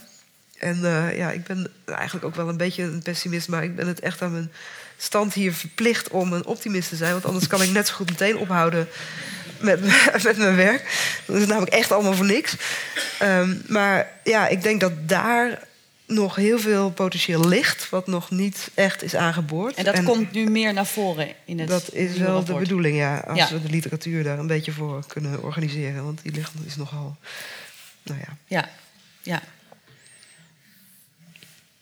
Maar dat lijkt dan ook te zijn waar je eh, aan het begin van aangaf. We kregen de, op de allereerste slide eh, had je het over behoeften van mensen. Ehm, daar waar het allemaal begint. De dingen die wij willen. Die een keten in werking zet. Jij zou het misschien een cascade van catastrofes noemen. Waardoor we uiteindelijk bij eh, die enorme hoeveelheid broeikasgassen terechtkomen. Ehm, is het dan daar waar jullie nu meer ruimte voor zoeken om, om de oplossing daar dan in te, te vinden? In dus dat anders omgaan van die, met behoeften die mensen hebben? Ja, nou ja, dat kun je op een aantal verschillende manieren bekijken. Dat je op een gegeven moment een verzadiging hebt. Van nou, nu is het wel genoeg. De economie van het genoeg misschien. Eh, als IPCC-auteur moet ik daar meteen bij zetten... ja, de literatuur is daar beperkt over. Zeker in, eh, in, in journals die, eh, die peer review hebben gehad. Is ook slecht, slecht georganiseerd. dus het is niet echt een, duidelijke theorie of een uitkomst die je kunt zetten in de context van anderhalve graad of zo. Ehm, maar ja, dus, daar ligt wel ja, een, er zou een gedeelte van de oplossing kunnen liggen. Het nadeel is ook dat het nauwelijks is doorgerekend. Dus IPC wordt altijd geacht om met getalletjes te komen. Met doorrekeningen van wat dat dan voor consequenties kan hebben. Die zijn er eigenlijk ook heel weinig. Gewoon omdat het echt een breuk met, het, met het systeemdenken is wat er op dit moment bestaat. En ja, die, de economische modellen die werken gewoon op een nogal kapitalistisch systeem en niet op een systeem wat op een gegeven moment een soort verzadiging van behoeftebevrediging heeft. Ja. ja dat, daar lopen we wel tegenaan. Ja. Dus doe daar meer onderzoek naar, alsjeblieft. Ja. En publiceer het. Ja. Zie jij daar fiducie in, René? Zo'n omslag, een soort paradigmawisseling? Nou ja, goed. Eh, het, het, zou verstandig zijn als we eens wat gaan nadenken over wat die Michel Serre dan omschrijft als die terughoudendheid. En dat heeft onder andere te maken met, uh, met, met, met, met de aard van het kapitalisme.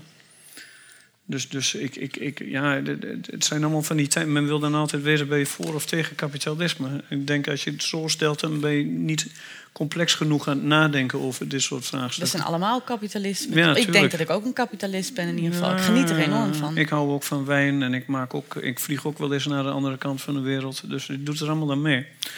Um, maar um, dat, dat, Kijk, kijk de, vertelt ook het verhaal dat, dat, dat, dat wij natuurlijk, en dat heeft met die terughoudendheid te maken, dat, dat, dat in dat kapitalisme die kloof tussen verlangen en behoefte zo waanzinnig gegroeid is.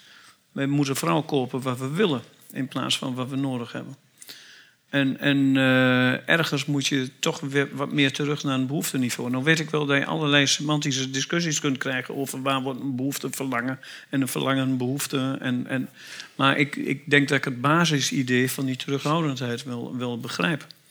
Met betrekking tot, uh, tot wat, wat hij dan de natuur noemt.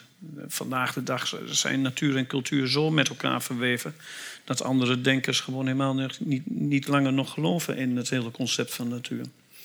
En, en, uh, en zeggen het is gewoon één grote ecologie of één grote mesh of, of, eh, de, de, dus, of multipliciteit. En die termen. Dat hangt allemaal met elkaar samen. Ja. En dat, dat, ik vind het ook heel leuk, want ik, ik ben natuurlijk helemaal geen klimaatwetenschapper. En ik luister dan altijd met, met bewondering naar uh, een echte klimaatwetenschapper... Die dan, maar die, die dan ook dat daarop wijst. Dat, dat nooit alleen van techniek kan komen. En dat het sociale en politieke en dergelijke allemaal even belangrijk is. En, dat, en daar moet het ook komen. Maar daar zie je, dan zie je dus ook meteen dat dat, een, uh, dat, dat niet zomaar 1, 2, 3 uh, van de grond gaat komen.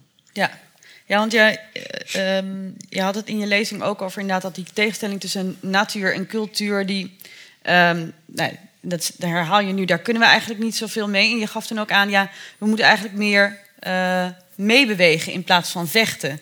En ik uh, vraag me af, uh, Helene, zou jij het gebruik van bepaalde technologieën, bijvoorbeeld die geoengineering, dan inderdaad ook begrijpen in termen van vechten of zo? Terwijl je andere uh, kun jij iets met, die, met, het, met het idee um, dat we op een andere manier ons misschien tot dit probleem moeten verhouden? En dat techniek daarin een manier van vechten is? Van bovenaf de controle opleggen, we gaan het wel even met zwavel of zo in, in, in de stratosfeer uh, even oplossen. En dat er ook nog een andere manier van denken over technologische oplossingen is, die wat meer vanuit het meebewegen werkt. Ja, nou, die, die, die tweede categorieën, die, dat, dat plaatje met die drie categorieën, zeg maar, dat is het adaptatie. Dat is in feite, mm. uh, nou ja, in zekere zin, laat het maar tot op zekere hoogte gebeuren en, en pas je aan. vroeger werd het ook wel tegen mitigatie afgezet. Tegenwoordig vindt iedereen dat alles, alles moet gebeuren. Je moet mitigeren, maar er is klimaatverandering die je gewoon niet meer kunt voorkomen. Dus dan moet je ook zorgen dat je erop voorbereid bent. Ja. Um, maar stel je zou helemaal gaan, gaan meebewegen. Um, en, en ja, ik, je zou dus helemaal een gedachte-experiment. Je zou helemaal niks gaan doen aan mitigatie. Genieten, gewoon lekker doorgaan, fossiele brandstoffen. Uh, je temperatuur stijgt uh, misschien wel uh, 4, 5, 6 graden wereldgemiddeld. Hè? Dus bij de Polen 10 graden. Einde van deze eeuw, de Noordpool helemaal weg. permafrost in Rusland dooit af. allemaal infrastructuur verzakt, maar je gaat je aanpassen.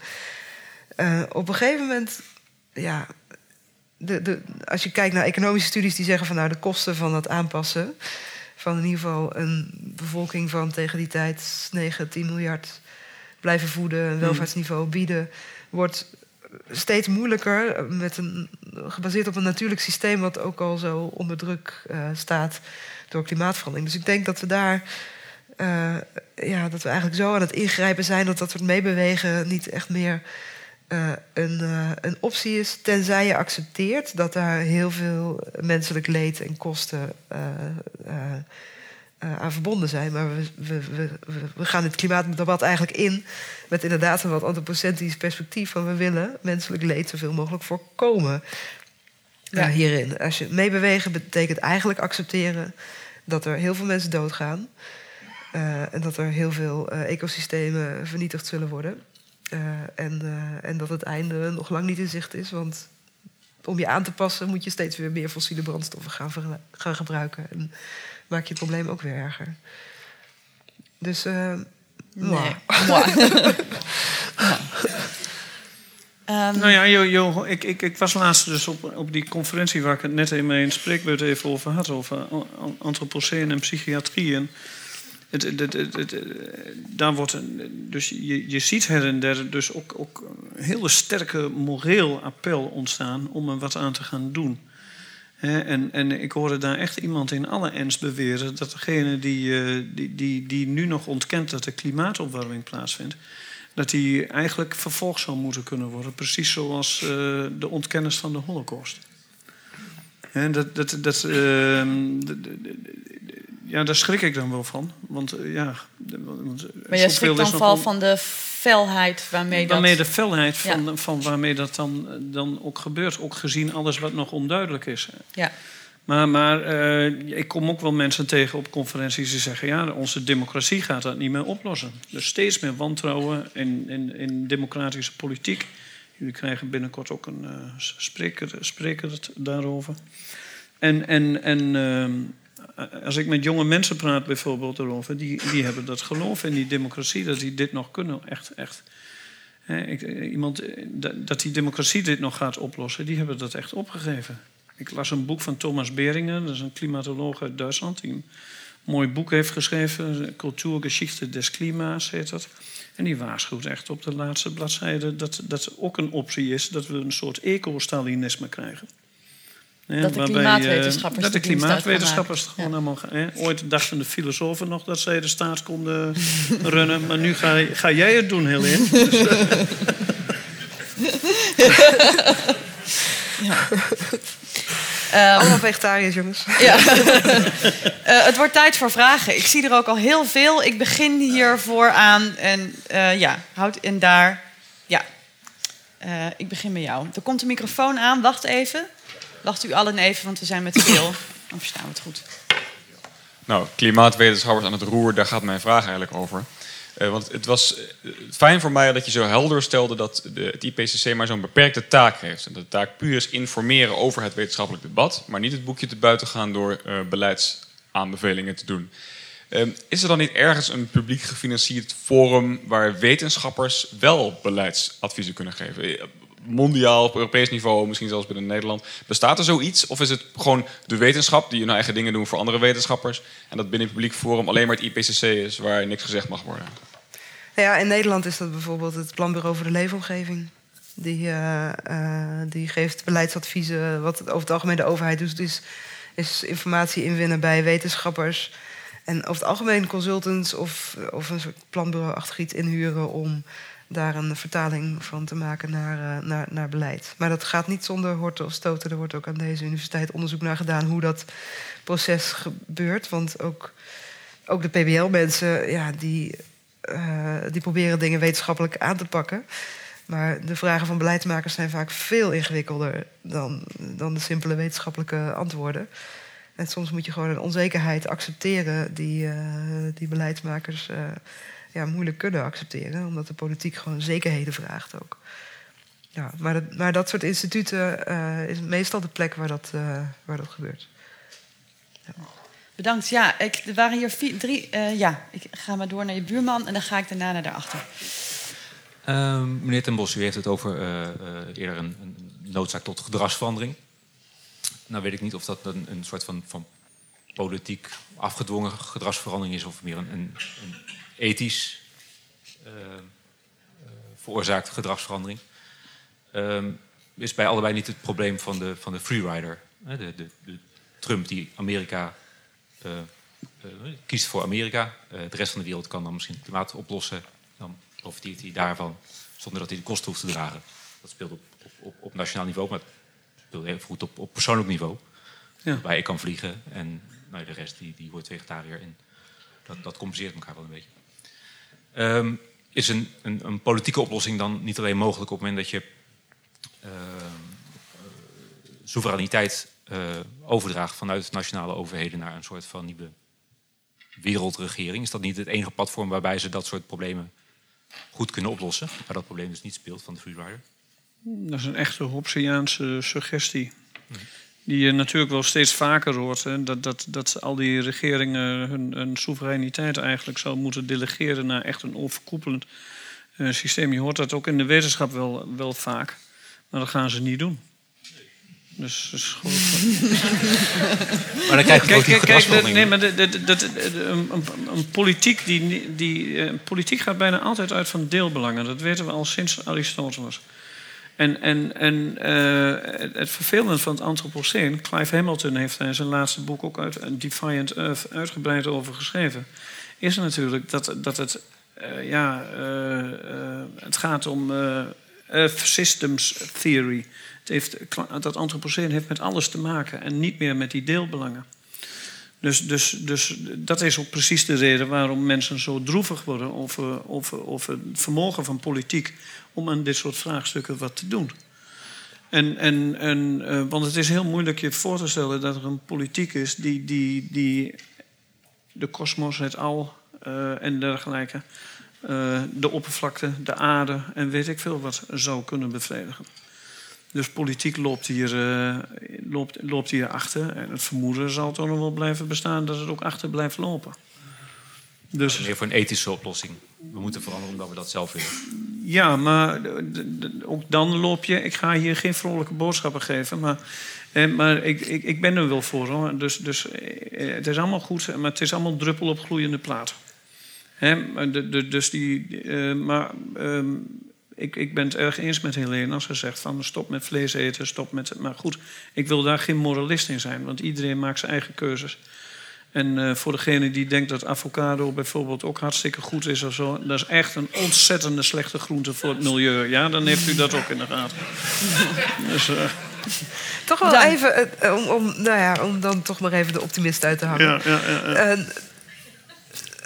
Twintig jaar geleden werd er nog gerookt in vliegtuigen, in treinen. Gedragsverandering gebeurt. En soms ook nog ten goede. Uh, en dat was eigenlijk een slim samenspel van, van boetes en campagnes. En uiteindelijk ook gewoon dingen afdwingen, gewoon verbieden. En het werkte tot op zekere hoogte. Het is niet dat er nou niemand meer rookt, maar het is wel uh, aan het afnemen. En het is in ieder geval een stuk minder geaccepteerd om in openbare ruimtes uh, te roken. Dus in, zekere zin, op een gegeven moment, misschien gaat het die kant ook wel op met, met vlees eten. Is het is echt een. en dat zou echt een, een slok op een borrel schelen met de, de broeikasgasemissies. en met landgebruik en dergelijke. Dus met, met goed getimed beleid op het moment dat de, dat de, de geesten iets rijper zijn, voorhoede, uh, faciliteren en daarmee een achterhoede langzamerhand meekrijgen, kunnen wel dingen veranderen. Nou ja, maar er zijn wel wat succesverhalen. Ik ben geen ontkenner van vooruitgang. Dat niet, kijk, bijvoorbeeld die hele CFK-reductie, dat is een voorbeeld van een succesverhaal. Dat hebben mensen toch vrij snel voor elkaar gekregen. Maar dat is iets anders dan zeggen dat we al die problemen in één keer met één grote grip. Want daarvoor zijn ze te complex. Maar je kunt die, die succesverhalen, daar moet je van leren en kijken wat er dan gebeurt. Met CFK's is het, is het redelijk goed gelukt. Maar dat komt ook omdat daar een bepaalde heldere oorzakelijkheid in zat. En, omdat daar, en, en, en bij veel andere problematiek is die oorzakelijkheid en zijn niet, niet zo sterk. En, en dat, dat ozongat dat is ook evident heel schadelijk voor de menselijke gezondheid. Uh, die Russen zijn er echt niet van overtuigd dat dat smelten heel slecht is voor hen. Het smelten van die ijszee. Dus, dus het moet ook een beetje duidelijk zijn wat, er, wat, wat, wat de schade is. En als daar een soort uh, communis opinio over is, dan heb, je, dan, dan, dan heb je mogelijkheden om wat te doen. Het is overigens wel interessant dat, dat, dat Tillerson, hè, de minister van Buitenlandse Zaken, een beetje terugkomt hè, op dat categorische nee tegen de klimaatakkoorden van. Uh, was van de week ook in het nieuws. Dus kennelijk uh, leren ze van Havi en Irma. We gaan nog wat vragen doen. Er zijn er een hoop, dus uh, als iedereen het bij één vraag wil laten. Ik begin bij u daar achteraan, dan ga ik naar u en dan ga ik die kant op. Ja. Uh, René heeft mij een beetje in de war gebracht. Je had het over klimaatopwarming is er gewoon. Phil Jones heeft het over lack of warming die niet verklaard kan worden. Wat ziet Phil Jones verkeerd? Weet ik niet. Ik, ik, ken veel auteurs, maar deze auteur ken ik niet. Dus dan moet je iets meer uitleggen wat hij bedoelt. Dat is, kan ik niet in uh, een halve minuut. Nou ja, goed. Kijk, dat, dat, dat, antropoceen, dat wordt over. Uh, dat, dat is eigenlijk de discussie. wij leven in het Holoceen, zegt een geoloog. En het Holoceen is een zogenaamd tijdperk tussen twee ijstijden. En, dat blijkt en, en, en, en dat Holoceen bestaat nu zo 10, 11.000 jaar. Het is een zogenaamd interglaciaal. En langzamerhand moet het einde van het interglaciaal in zicht komen. 40, 50 jaar geleden dachten bijna alle klimaatwetenschappers nog dat het kouder zou worden. En nu denken ze allemaal dat het warmer wordt. En uh, uh, dus dat, dat, dat Holoceen gedraagt zich niet als een, als, als, als een interglaciaal dat, dat, dat is een beetje het probleem. En nog steeds heb je altijd mensen die zeggen dat gaat hij nog wel doen. je hebt altijd afwijkingen daarin. Dat zijn dus die kleine fundamentele onduidelijkheden die er zijn. Geen zekerheid. Maar eh, laten we zeggen 95, 96 procent van de mensen is ervan overtuigd dat er gewoon klimaatopwarming tegenkomt. Je hebt altijd mensen die iets anders denken. Maar dan heb je ook nog andere soorten klimaatskeptici die weliswaar niet ontkennen dat het klimaat uh, opwarmt. Maar die zeggen dat de gevolgen daarvan heel erg zullen meevallen. Bijvoorbeeld omdat we steeds meer adaptatietechnieken krijgen. Hè? Dus betere waarschuwingssystemen. Met Ridley bijvoorbeeld, die recentelijk in Wageningen nog een mooi soort uh, uh, debat veroorzaakte. Omdat hij niet ontkent dat klimaatopwarming plaatsvindt. En zover wel bij de wetenschappelijke consensus hoort, maar ontkent dat die klimaatopwarming zo schadelijk zal zijn. Omdat hij vertrouwt in technische oplossingen. Nou die Ridley, een bekende bioloog, die ook uh, een fanatiek lid is van de Tories in, uh, in Engeland. Dus dan weet je ook ongeveer waar dit vandaan komt. Eh, maar jij, hebt ook mensen die zeggen: er is helemaal niks aan de hand, waar maak je je druk over? dat is een beetje de houding van iedere geoloog onze vriend Samuel Kronenberg die vindt dit allemaal totale onzin. Die beschouwt ook het leven gewoon als een oppervlakteverschijnsel. Hoezo zou het, wat op de aarde gebeurt, waarom aan de oppervlakte, waarom zou dat slecht zijn?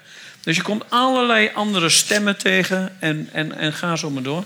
En toch tekent zich een brede consensus onder, zou ik willen zeggen, onze beste wetenschappers af, dat, dat er gewoon klimaatopwarming is. Uh, hoe het precies veroorzaakt wordt, eh, is niet helemaal duidelijk. Daar hebben we Helene net helemaal over gehoord. Wat precies de consequenties ervan zijn, is ook niet altijd helemaal duidelijk. Maar er is iets wat zich afspeelt als een grote consensus. Nou ja, ja God, ik, je, je mag natuurlijk hopen en blijven hopen. En ik ken die meneer Jones niet, maar dat, dat, dat al die jongens en meisjes ernaast zitten. Maar ik ben toch een beetje bang dat het niet het geval is. Alright, volgende vraag. De microfoon mag uh, hier naar voren, naar deze meneer.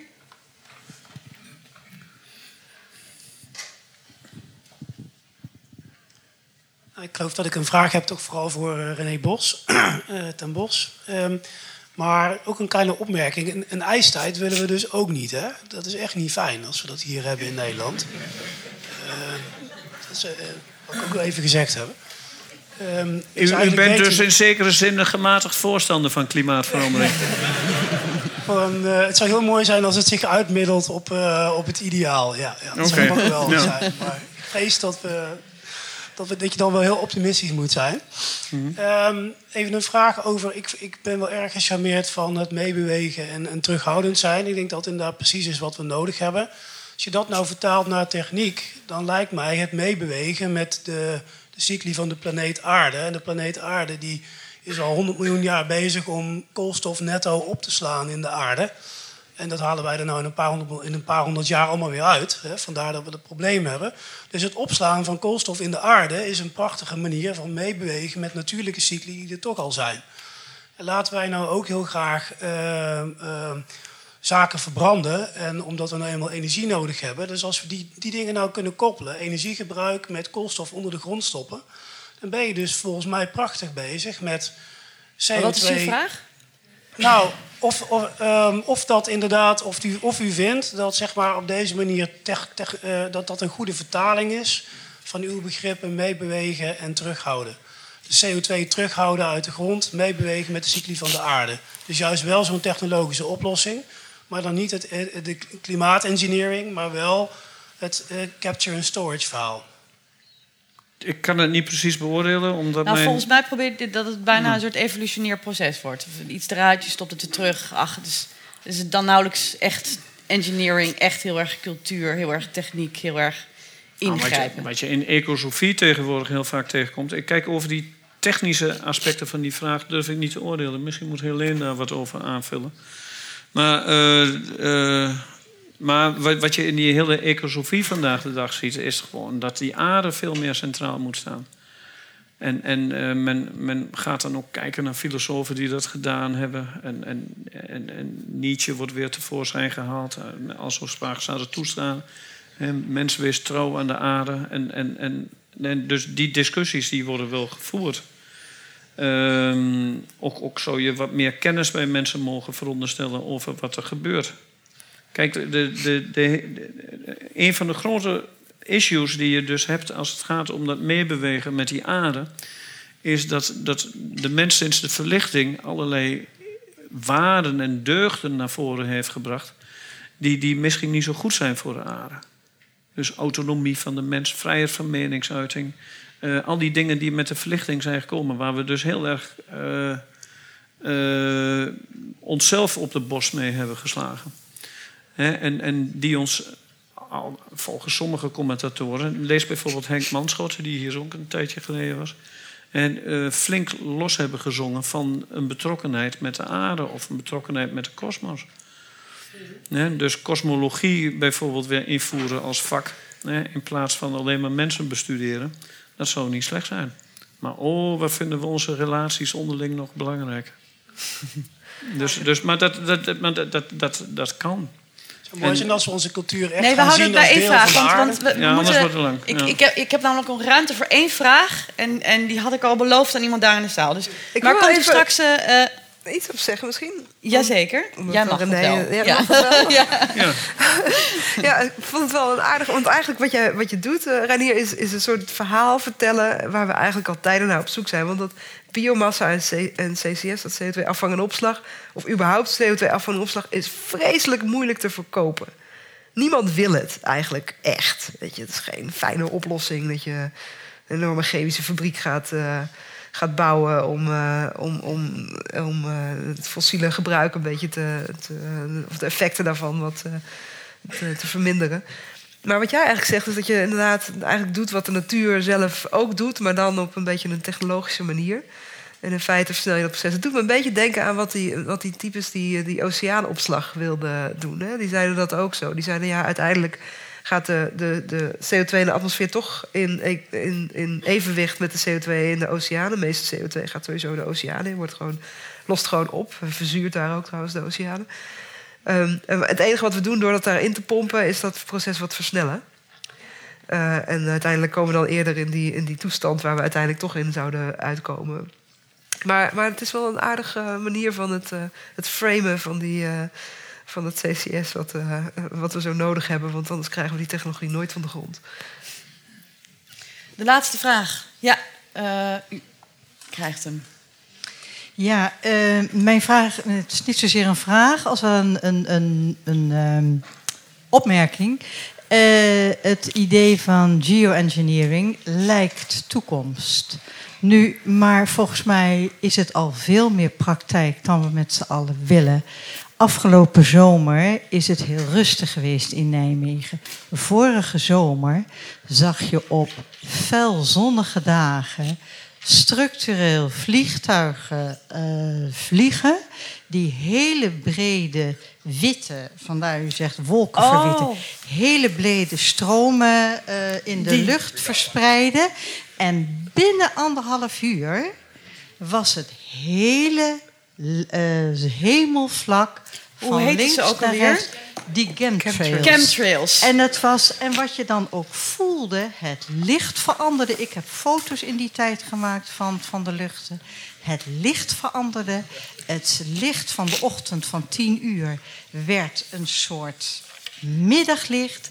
En het werd koel. Het werd koel. En dat gebeurt dus al veel meer. Ik ben ook op internet ik gaan ben, ik kijken. ben, dank u wel. Bedank u wel. U bent, ja. Eh, tot slot inderdaad, Helene. ehm, die mevrouw is niet de enige die denkt dat het al lang plaatsvindt. Ehm, Nou ja, Hoe het ga je daarmee om? Inderdaad, dat condensstrepen van vliegtuigen, die, die eh, helpen ook mee met klimaatverandering. Want inderdaad, die, eh, wat er gebeurt, eh geef gezien, de stratosfeer is normaal heel droog. Hè? En die vliegtuigen die vliegen helemaal onder in de, de stratosfeer. Ik zeg niet dat ze eh, bedoeld allemaal stoffen uitstoten die, die, eh, eh, wat je als, als geoengineering kunt aanmerken. Maar wat ze wel doen, is veel meer water uitstoten. En of je daar nou heel veel strepen in ziet, dat hangt af van een beetje de hoogte waar het vliegtuig op vliegt. Ehm, eh, hoe hard hij vliegt, wat toevallig het lokale klimaat is. Eh, dat, is, hoeft geen, dat, dat hoeft geen eh, eh, bewuste interventie te zijn. Is het hoogstwaarschijnlijk ook niet. In ieder geval, ik heb daar nooit bewijs van gezien. je hebt er Maar het is wel zo dat, dat, dat condensstrepen het klimaat veranderen. Ja, zeker. Dat, dat, dat is zo. Want als je eenmaal wat water hebt in een hele eh, droge atmosfeer... en je hebt ook een paar deeltjes waar dat op kan neerslaan... dan krijg je wolkenvorming waar je anders nooit wolkenvorming zou hebben. Dus dat zou inderdaad eh, de, eh, de, de aarde kunnen koelen. Maar jij gaat er niet van uit dat daar nog extra chemicaliën zijn ingestopt speciaal om alvast wat nee, proefjes te doen. Nee, en de, en de mensen die dat, die dat beweren en het bewijs dat daarvoor wordt geleverd, namelijk die foto's, die zijn in ieder geval wetenschappelijk gezien niet overtuigend. Nee.